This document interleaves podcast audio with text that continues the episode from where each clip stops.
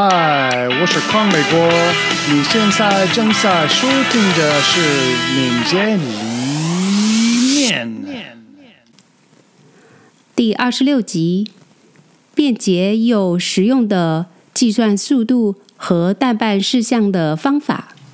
布兰登·林顿的联系方式如下：b r a n d o n dot l i n t o n at a c c e n t u r e dot com。蓝色说道：“这一集我们和布兰登·林顿讨论了关于计算工作速度的便捷方法，特别是关于未完成的用户需求。”布兰登说道。你好，我叫布兰登·林顿，我住在底特律，它位于美国的密歇根州。我是艾森哲解决方案的敏捷教练，我在敏捷工作八年时间，提供咨询业务长达四年，很高兴能和兰斯一起工作。兰斯说道：“是的，我也很高兴能和布兰登一起工作。”布兰登说道：“很高兴来到这里。我们正在做一个关于需求的播客，主要研究那些需要较长时间才能完成的需求。”蓝色说道：“是的。那么这是一个问题吗？”布兰登说道：“这不但是一个问题，还是一个大问题。不久前。”我们在办公室就这件事情进行了一次简洁的沟通。是的，我们在讨论，或者说我在讨论一个我刚刚加入的团队。问题出现在一次 Sprint 计划会议上。他们有一个需求，但是在上一次的 Sprint 中，他们还有多个需求没有完成。我们的需求依然具有很高的优先性。他们说。这是八个需求，我们可以先完成五个，然后把剩下的三个放在最后一个 sprint 中。总之，一切就是从这里开始的。蓝色说道：“我们把讨论的这个数字称为需求点。当团队有一大堆工作要做时，他们会制作一个 Spring 计划。”布兰登说：“对的。”蓝色说。最终，他们得到了我们称之为速度的东西。布兰登说道：“是的，但是速度到底是什么呢？拿开车来说，我们开车的时候，车会有一个速度。速度有很多不同的形式。对，在 Scrum 一文中，我给速度下了定义。你知道的，这只是一个大概的定义。”或许它可以用更好的词语来定义。蓝色说：“在这里，为了进一步强调布兰登的观点，我们假设一个场景：团队有十个需求，所有需求的点数相同，都是五个点。因此，这意味着如果他们完成所有的需求，他们需要完成五十个需求点。”布兰登说道：“所以，即使你有十个需求，但是你只能完成其中一个，那么这就是你的速度。即使其他的需求即将完成，那也与你的速度无关。这有点像踢足球，如果你没有进球，不管你离中卷有多远，一英寸、一码还是五十码，你都是没有完成的。”因为拥有可持续的速度，意味着拥有一个能无限期保持的可重复的速度。蓝色说：“所以，正如布兰登所说，这并不是为了计算你的点数，而是为了建立你可以用于制定计划的指标。这些指标应该等同于我们在不确定的时间内所能达到的目标。”布兰登说：“有趣的是，一个新的团队往往会说，这个需求需要完成的点已经不是八个了，我们已经完成了五个，所以我们只需要计算剩下的三个。当然，这也引起了争论。那么，什么叫需求完成呢？他们说：“嗯，这是个任务，还有这个任务你是知道的，这个这个也是好的，这个已经完成了百分之九十了，布兰登，对吗？我获得了所有的点，我们几乎就要完成了。但我总是说，好吧，你再是为难谁做这个呢？这可能是多方面的，这取决于你工作的团队。”如果这是某个应用程序的保持登录功能，当你返回时不需要再次登录，这个时候除了保持登录复选框，你的所有功能都是正常的。这对您的最终用户来说不是很有用，因为你登录的内容会一直存在，你甚至没有选择。这个功能并没有完成，它几乎快要完成了，但仍然是未完成状态。那么我要说的是，你的用户关心你做了多少吗？未来的用户能体会到它的价值吗？他们并不在乎你做了多少，他们只在乎你还有没有完成。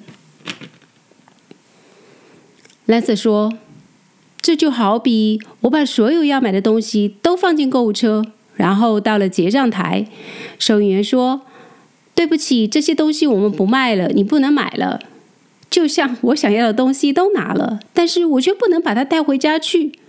所以，我想我只在乎我能不能把它们带回家。布兰登说：“这可能会揭示一些有趣的机会，如何更好的分割需求。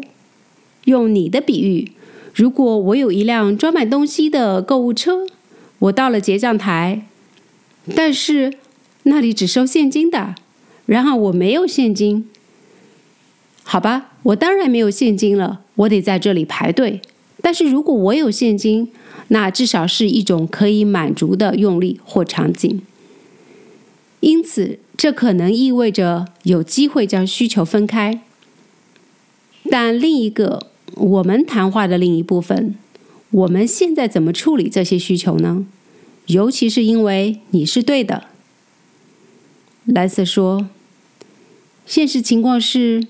一部分需求完成了，但是另一部分需求并没有按时完成。他们根据邓恩的需求来计算工作速度，所以他们整理了所有的邓恩需求。他们把每个人的需求点加起来，可能一共是五十个，但是他们仍然有一些需求没有完成。现在他们想为此制定一个计划。布兰登说。假设这仍然是一个优先极高的事项，我在刚开始就会问：这些问题是否仍然重要？你知道，中途或部分完成，这些是否依然是迫切需要的？如果不是，把它们放在待办事项里，以后再做。如果是的话，你仍然想去追求这些。那么，就像我平时所说的，让我们好好研究它们，再重新进行评估。因为在开始研究这些东西时，我们在 Spring 中可能学到了一些东西，但是还没有完成。我们现在是否能更好的知道，完成这个需求实际上比我们之前估计的要付出更多的努力？兰瑟说：“是的，所以我有百分之九十的需求完成了一段时间。假设这是一个二十点的需求，我没有得到任何点数。我没有，我知道那不是斐波那契约函数。很抱歉，伙计们，但这是一个二十点的需求。我不明白。现在我们又要重新评估它。”我们要评估工作是被遗留的，什么是仍然需要做的，或者是完成剩下的需求还需要什么东西？布兰登说：“对的，我们不想考虑的是我们已经投入了多少精力。在速度方面，我们总是告诉团队，你需要非常专注于剩下的工作来完成这个任务。还有我们提到的那个场景。”比如说，你知道的二十点的需求，现在实际上只有十三点，因为我们已经完成了一些工作，我们投资了一点，但还有很多路要走。你可能会说：“好吧，我上一次 Spring 时做的工作没有得到表扬。”你是完全正确的，那不是速度，对吧？你、我们、我们并没有完成。现实就是一个二十点的需求，现在变成了十三点。所以，如果我们看一个点数的总和，假设这是一个发布，现在你怀疑一百个点降到了九十三个，对吧？你的完成时间移动了一点点，对吧？你还没有完成需求，所以这不是工作速度。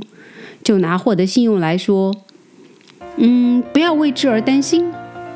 但事实却是。为了达到同样的价值，只需要少做一点努力。你想重新评估它？你知道，当这个需求仍然拥有优先权时，你需要考虑重新评估它。兰瑟说：“下一集，布兰登将继续劝阻我们不要把速度看作是衡量团队付出努力的方法，或者是某种形式的信用。”而不去估量他们已经完成的工作，布兰登说：“你知道的，我知道你想尽可能的反映出最真实的情况。所以，如果你知道这个需求是十三点，就不要说它是二十。”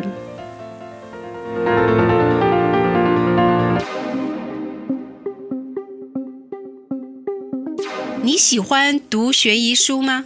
一本关于敏捷思维的悬疑书，《黑色敏捷》是非常有意思的，依靠戏剧性的故事讲述，教会你敏捷思维。欢迎在康美国的微店查看这一集的播客注释。